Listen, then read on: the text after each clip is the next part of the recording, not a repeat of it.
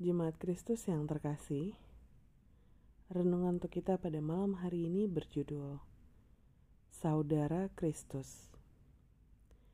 Dan bacaan firman Tuhan diambil dari kitab Matius pasal 12 ayat 46 sampai dengan 50. Beginilah firman Tuhan.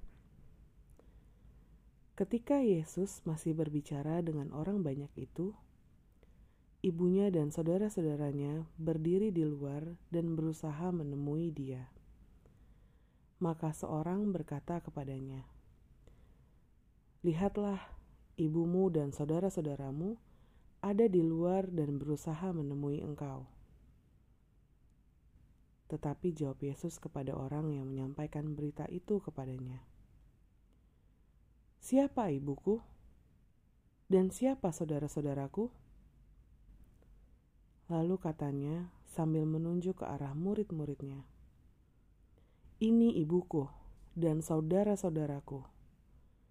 Sebab siapa pun yang melakukan kehendak Bapakku di sorga, dialah saudaraku laki-laki, dialah saudaraku perempuan, dialah ibuku. Menjadi saudara dari orang yang terkenal, apalagi berkuasa, adalah privilege. Sebab ada banyak keuntungan yang kita dapatkan dari relasi itu. Bahkan tak jarang orang berusaha mendekat orang-orang yang berkuasa agar mendapatkan keuntungan-keuntungan bagi dirinya. Lalu, bagaimana bila kita dianggap sebagai saudara dari Kristus? Orang-orang dekat Allah? Adakah kita juga bersyukur dan berbahagia, atau merasa biasa saja? Rasanya kita lebih merasa biasa saja dengan hal itu. Banyak orang Kristen tidak sadar dengan kedekatan yang dimiliki dengan Allah. Bisa jadi hal ini terjadi karena banyak orang Kristen yang tak memahami seberapa pentingnya memiliki relasi yang dekat dengan Allah. Tentu, yang pertama, kita mendapatkan keselamatan dari dosa yang ada di dunia. Kedua, kita mendapatkan tempat khusus yang sudah disediakan Allah bagi orang-orang yang percaya kepadanya.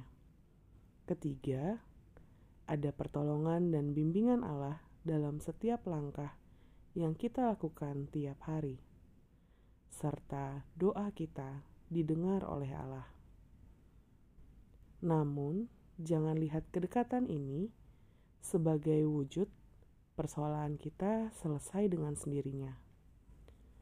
Justru kita diberi jaminan bahwa hidup kita tidak sia-sia sekaligus dimampukan untuk menghadapi segala pergumulan yang ada.